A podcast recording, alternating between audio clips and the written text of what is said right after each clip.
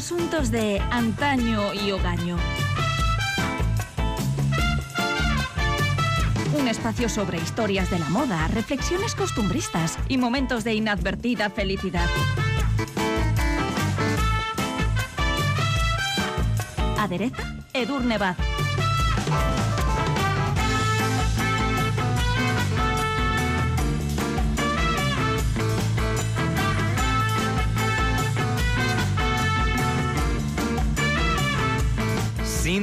Christy, Naomi, Linda, Claudia. No necesitan presentación ni tampoco apellido. Durante finales de los 80 y principios de los 90 protagonizaron las portadas de las más prestigiosas revistas. Desfilaron para las más reputadas firmas de moda y una vez cruzada la pasarela a golpe de belleza, carisma y actitud, fueron conquistando también otros terrenos como el de la publicidad, el cine, la música o los negocios.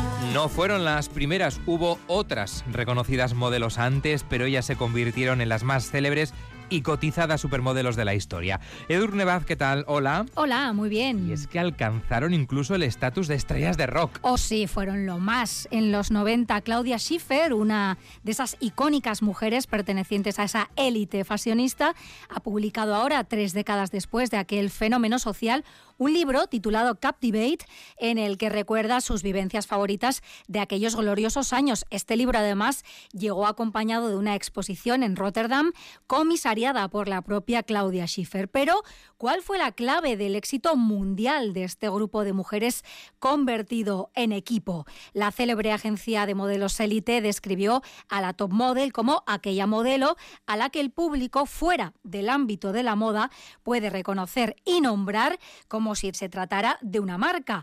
Y en base a esta definición podemos afirmar de forma rotunda que ellas fueron auténticas supermodelos. Y si no, probad a encontrar a una persona que creciera en los 90 y no sepa quién es Claudia Schiffer. No lo hay.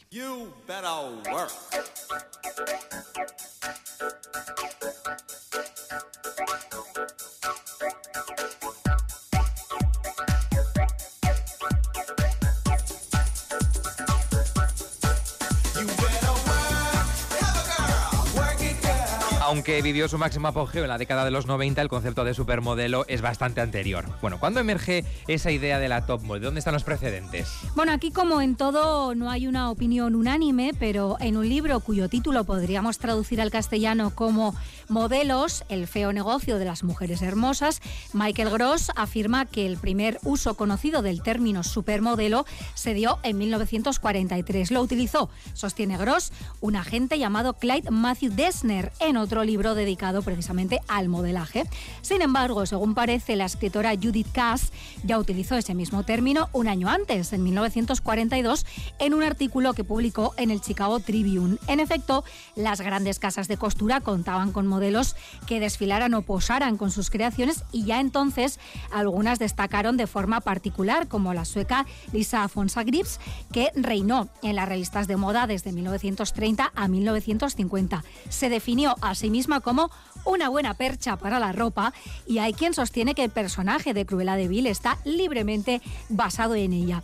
Compite asimismo por el puesto de primera supermodelo de la historia la estadounidense Dorian Leigh, una de las primeras modelos fotográficas famosas y de ella se dice que también inspiró un personaje cinematográfico, la Holly Golightly, interpretada por Audrey Hepburn en la película Desayuno con diamantes. En cualquier caso, ese término supermodelo que empieza ya a utilizarse se siguió usando ¿no? también en los medios de comunicación durante las siguientes décadas, durante los 60 y los 70. Sí, porque entonces hubo también modelos muy destacadas, fueron los años gloriosos, por ejemplo, de modelos tan míticas como la británica Twiggy, en la que encontró su mejor embajadora, la también icónica diseñadora Mary Quant, célebre, entre otras cosas, por inventar o como mínimo popularizar la minifalda.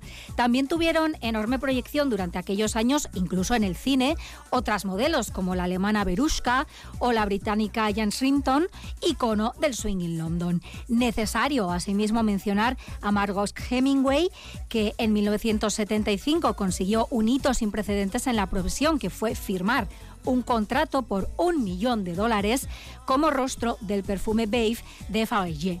Dos años antes, Lauren Hatton ya se había convertido en la primera supermodelo de pasarela en recibir un contrato de una gran marca de cosméticos tras firmar, en su caso, como imagen de Revlon.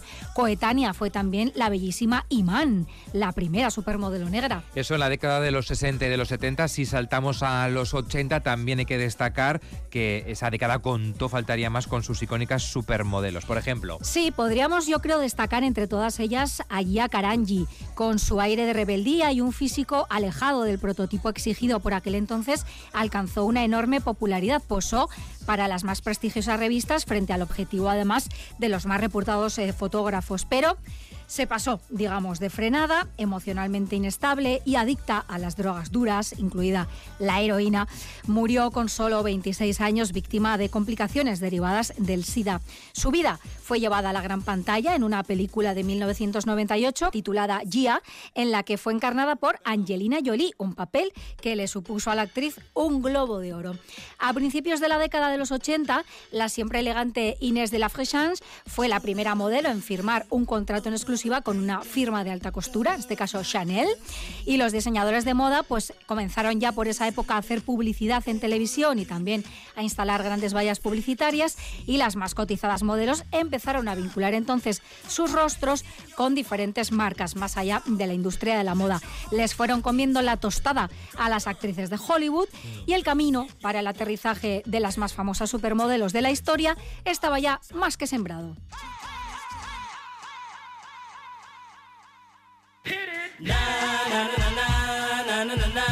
na na na na na na na na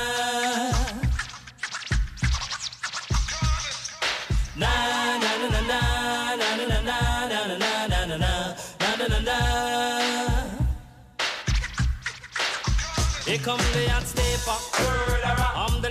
Hecho ese repaso a las primeras supermodelos, vamos a centrarnos en la edad de oro de las top models, porque comenzó sin duda alguna en los 90, ¿no? Con la olla histórica portada en blanco y negro, que con la firma del prestigioso fotógrafo Peter Lindbergh publicó la edición británica de la revista Vogue. ¿Cómo fue esa célebre portada? Bueno, en esa portada aparecían increíblemente bellas y muy jóvenes, Cindy Crawford con su característico lunar sobre el labio, el que quisieron que se quitara y ella no se quitó y acabó convirtiendo en su marca personal. Vemos en esa fotografía también a Christy Tarlington con una de las estructuras faciales más perfectamente esculpidas que se hayan visto jamás.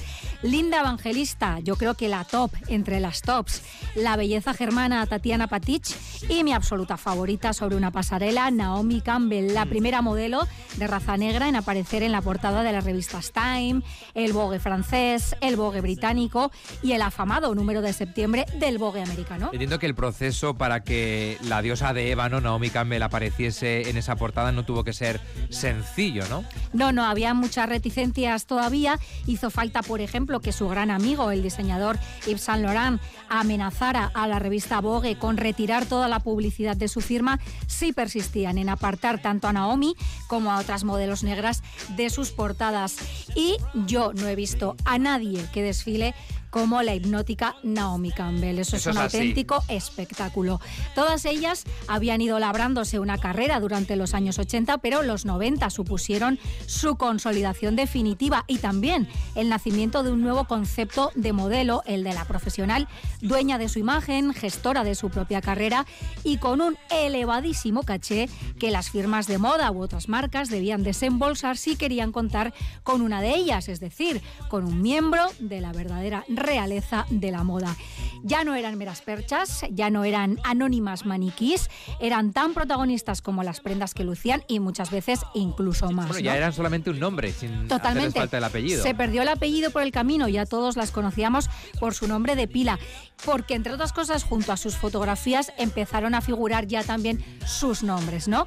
Las cinco modelos que habían posado para Peter Lindbergh fueron seleccionadas también por el cantante George Michael para protagonizar el video videoclip de su tema Freedom, que fue dirigido, atención, por el cineasta David Fincher, quien más tarde rodaría películas tan legendarias como Seven o El Club de la Lucha. Bueno, esas cinco top models que tú has mencionado que encubrió, encubrió perdón, la em, portada de Vogue, hay que sumarle otras tantas célebres ¿no? que aparecieron y que eran tan famosas como ellas. Bueno, a esa élite de supermodelos pertenecieron también la alemana Claudia Schiffer, Elke Macpherson, más conocida por razones evidentes como El Cuerpo, Stephanie Seymour, Karen Mulder, Jasmine Gauri, Amber Valeta, Elena Christensen, Tyra Banks, Heidi Klum o Nadia Auerman, que llegó a ostentar el récord Guinness a la modelo con las piernas más largas del mundo.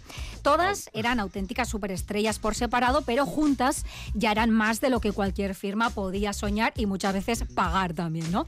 Se convirtió en morbosa afición descubrir cuánto cobraban estas supermodelos. Se sabe, por ejemplo, que en 1991 Christy Tarlington firmó un contrato con Maybelline por el que percibió 800 mil dólares por 12 días de trabajo. En 1995 Claudia Schiffer facturó al parecer 12 millones de dólares por diferentes trabajos como modelo. Linda Evangelista, conocida como el camaleón por su habilidad para transformar su aspecto físico, pronunció por aquella época la hoy mítica frase no me levanto de la cama por menos de 10 mil dólares diarios. Yo creo que son cifras que hoy día no se pagarían. ¿eh? Eran eh, producto de esa época, de los fue un fenómeno muy, muy concreto. Ahora hay supermodelos también, pero ese fenómeno social y colectivo no se ha vuelto a repetir. Ahora hay nombres particulares muy exitosos, pero aquel fue el momento de oro ¿no? de las supermodelos. Y hay que decir que Linda Evangelista eh, fue realmente la experta en frases lapidarias porque además de la anterior también fue ella la que dijo, nosotras no estamos de moda, somos moda. Y de alguna manera a la tampoco muy modesta Coco Chanel, que en su día afirmó, yo no hago moda, yo soy moda. Frases lapidarias. Oye, más tarde se sumaría a esta Liga de las Estrellas, por llamarlo de alguna forma, otra modelo que rompió moldes, Kate Moss, ¿no? A la que habían descubierto con solo 14 años en un aeropuerto. Sí, y además Kate Moss era muy distinta a las demás eh, en general. otro modelo de, belleza. Sí, era, bueno, un modelo estético muy alternativo al imperante en aquel momento. Ella no era muy alta, tenía una figura desgarbada, tenía una belleza pues más natural, ¿no? Mucho menos evidente que la de sus predecesoras, pero tenía algo, tenía ese je ne ¿no? Y con la memorable campaña de Calvin Klein que la dio a conocer, revolucionó no como veremos, el mundo de la moda y no siempre para bien, ¿no? Naomi Campbell, Cindy Crawford, Linda Evangelista, Claudia Schiffer, Christy Tarlington y la propia Kate Moss llegaron a ser conocidas como las seis grandes. Ya antes, Christy Tarlington, Naomi Campbell y Linda Evangelista habían sido bautizadas como la Trinidad. Ninguna de las supermodelos del pasado había logrado la fama mundial ni el poder que alcanzaron estas mujeres entre finales de la década de 1980 y principios de 1990 su influencia fue incluso objeto de sesudos análisis sociológicos. Claudia Schiffer, a la que Karl Lagerfeld convirtió en musa de Chanel, ha contado, recuerdo que necesitaba cuatro guardaespaldas para llegar al backstage de Chanel desde mi coche y eso no solo me sucedía a mí, sino a todas. Ese era el nivel, ¿no? Sus bellos y muy demandados rostros estaban por todas partes y ellas, hábiles mujeres de negocios, supieron diversificar de lo lindo.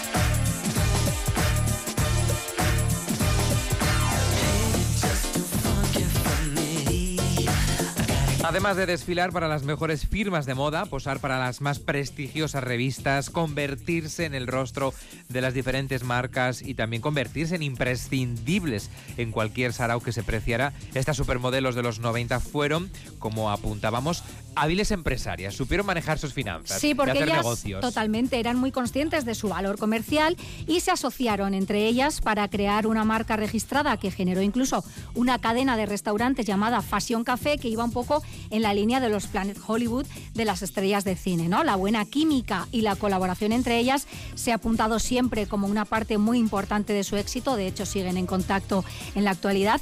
Por separado también fueron probando, por supuesto, cada una sus propios caminos, algunas hicieron sus pinitos con mayor o menor éxito en el cine, en la televisión, en el terreno literario o en la música. Muchas de ellas además mantuvieron relaciones sentimentales con otras estrellas del momento, ya fueran actores, cantantes o pesos pesados de la industria de la moda. Y claro, pues esto era ya muy mediático. ¿no? Recordemos, por ejemplo, el apasionado pero muy tormentoso romance que Naomi Campbell mantuvo con el bailador Joaquín Cortés, que aquello fue muy loco. Y acabó Linda como acabó. Evangelista sí, y Naomi estuvo ahí que intentó suicidarse y todo porque sufrió muchísimo, pero se recuperó y ahora está centrada, ha tenido sus momentos, pero ahora está centrada y disfrutando de su vida y su labor humanitaria.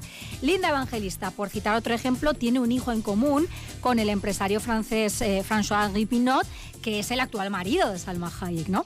Cindy Crawford, no olvidemos, estuvo casada con Richard Gere y Kate Moss mantuvo durante un tiempo una turbulenta relación con el también actor Johnny Depp. Stephanie Seymour salió con Warren Beatty, con Charlie Sheen o con Axel Rose, el cantante de los Guns N' Roses, al que conoció en el rodaje del videoclip que acompañó a la canción Don't Cry. Repitió con la banda de su entonces novio en el videoclip también del tema November Rain. Por cierto que hay muchos videoclips de aquella época tan míticos eh, ya como a las canciones a las que acompañaban, ¿no? Que contaron con las grandes eh, supermodelos del momento, ¿no? Y con la dirección de reputados cineastas. Sí, además del mencionado Freedom de George Michael, que fue un auténtico pelotazo, también está el videoclip del tema Funky que escuchamos de fondo de este mismo artista. El primero lo dirigió, como decíamos, David Fincher y el segundo lo dirigió el diseñador Thierry Mugler, que además acaba de dejarnos recientemente.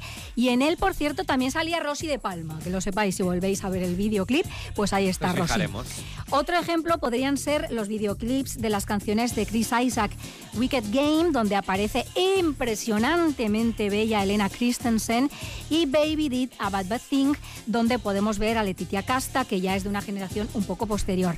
Naomi Campbell aparece en el videoclip del tema In the Closet de Michael Jackson. Espectacular, por cierto, en Sí, este videoclip. al tiempo que Iman, que es una auténtica diosa también, actualmente viuda de David Bowie, aparece en el correspondiente a la canción Remember the Time también de Michael Jackson. Eran, como veis, mujeres ubicuas, pero todo en la vida son ciclos y también en la industria de la moda.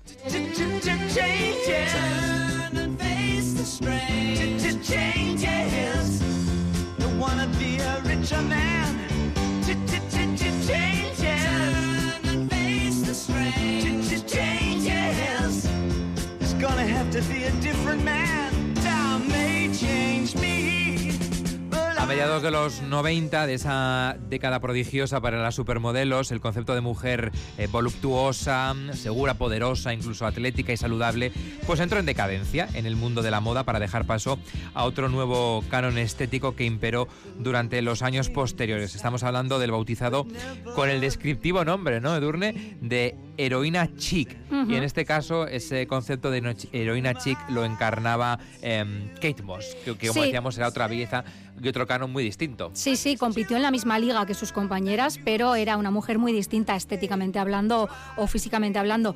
La elección de ese polisémico término heroína no era casual y es que el nuevo modelo de mujer, que era ya más bien una chica, que empezó a imponerse, pues era el de la languidez, la extrema y enfermiza delgadez, el aspecto poco saludable, incluso demacrado y algo andrógino, con destacables excepciones, ¿no? Como Letitia Casta o Eva Arcigova, que se convirtió en la más exuberante embajadora del Wonder Bra, ¿no? Como olvidar aquella campaña. Al tiempo y poco a poco las actrices, las cantantes de pop y otras celebridades de la industria del entretenimiento fueron arrinconando a las modelos en las portadas de las revistas y también en las campañas publicitarias. Unos hablan de un cambio de ciclo, un cambio de tendencia, otros hablan de diseñadores y editores de moda que se cansaron de las exigencias de aquellas superestrellas, sea cual fuera la verdadera causa, pues fue como suele decirse el fin de una era, ¿no? Llegaron otras modelos icónicas, por supuesto, brasileñas espectaculares como Adriana Lima, Alessandra Ambrosio o la pionera, ¿no? Supermodelo también Giselle Bunchen, a quien se atribuye además el mérito de haber dado carpetazo a esa heroína chic. Volvió a ponerse de moda el poderío y una nueva élite de supermodelos se concentraba cada año en el hoy cuestionado y ya revisado desfile de Victoria's Secret.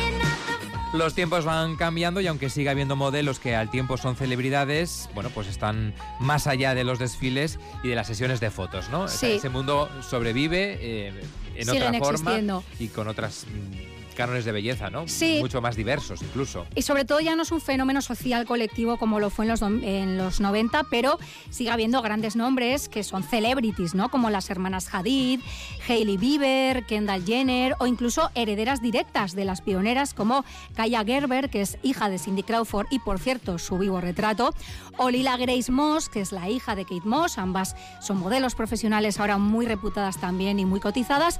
Ninguna generación de modelos ha logrado, como digo, repetir el fenómeno social vivido por sus predecesoras a principios de los 90. Como decimos, ¿no? En la actualidad la moda apuesta, además y por fortuna, por una mayor diversidad, ¿no? Sí. Por modelos que no responden a un único canon estético, a una única identidad de género, a una misma talla o, por supuesto, no, incluso a una misma raza. Sí, y la propia Claudia Schiffer ha dicho en alguna ocasión que a esto han contribuido las redes sociales en general y las modelos no profesionales, ¿no? Las influencers, por ejemplo, en particular. Todas ellas, todas estas modelos icónicas de los 90 se dedican en la actualidad, aparte de disfrutar de sus vidas y sus familias, pues a diferentes actividades empresariales relacionadas con la moda, la cosmética o el bienestar, o como en el caso de Elena Christensen, la fotografía, ¿no? Es una fotógrafa también muy reputada. Además de participar como activistas en movimientos de carácter medioambiental o en diversas organizaciones humanitarias. Algunas, como Naomi Campbell o Kate Moss, pues han tenido, como sabemos, que hacer frente a algún que otro escándalo relacionado respectivamente con el control de la ira. Recordemos ese teléfono móvil. que Naomi Campbell le tiró a la cabeza a su asistenta, ¿no? Bueno, pues Y por la que fue condenada, ¿eh? Sí, a trabajos comunitarios y ella fue al juicio además como de punta en blanco, de alta costura, muy loco todo. Pero bueno, ya pues ha reconducido su vida y Kate Moss que también tuvo que hacer frente pues a ese escándalo por el consumo de sustancias, pero ambas eh, siguen con sus vidas y sus negocios. Linda Evangelista ha compartido recientemente el motivo de su desaparición de la vida pública, que es una operación estética que ha tenido raros y devastadores efectos en su aspecto físico y esto ha confesado ella que le ha provocado una enorme depresión y una falta total de autoestima. Es una reclusa, lo ha dicho en palabras textuales, ¿no? Stephanie Seymour, por ejemplo, hemos sabido muy recientemente que acaba de perder a uno de sus hijos, víctima de una sobredosis. Sus vidas, como vemos, son tan potencialmente duras como las de cualquier otro, pero en lo tocante a la historia de la moda siguen siendo auténticos iconos y todavía brilla su particular carisma y poderío cuando, como invitadas de excepción, reaparecen de forma estelar, como cuando en 2017 Donatella Versace rindió tributo a su hermano Gianni, subiendo a la pasarela pues algunas de las modelos más emblemáticas de la década de los 90. Diez años antes también Louis Vuitton ya había reunido a varias de ellas para la campaña de primavera-verano de 2008. Muchas ellas eh, a título personal han aparecido invitadas en muchos desfiles porque las reinas de la pasarela nunca cedieron su trono, solo lo prestaron.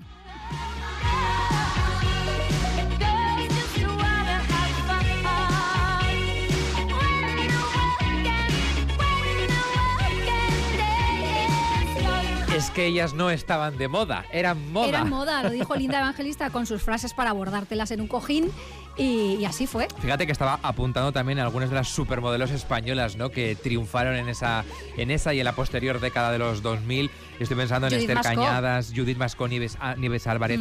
Em, por cierto, bellísima Nieves Álvarez. Sí, Martina. Klein, Inés Astre, ¿no? Eh, modelos eh, que triunfaron, Internacionales. ¿no? Internacionales, Sí, sí. Que, que sobrepasaron las, las fronteras. Edu Rebaces, que ricasco. Eso, regatic. Hasta dentro de una semana con más asuntos de antaño y hogaño. Agur.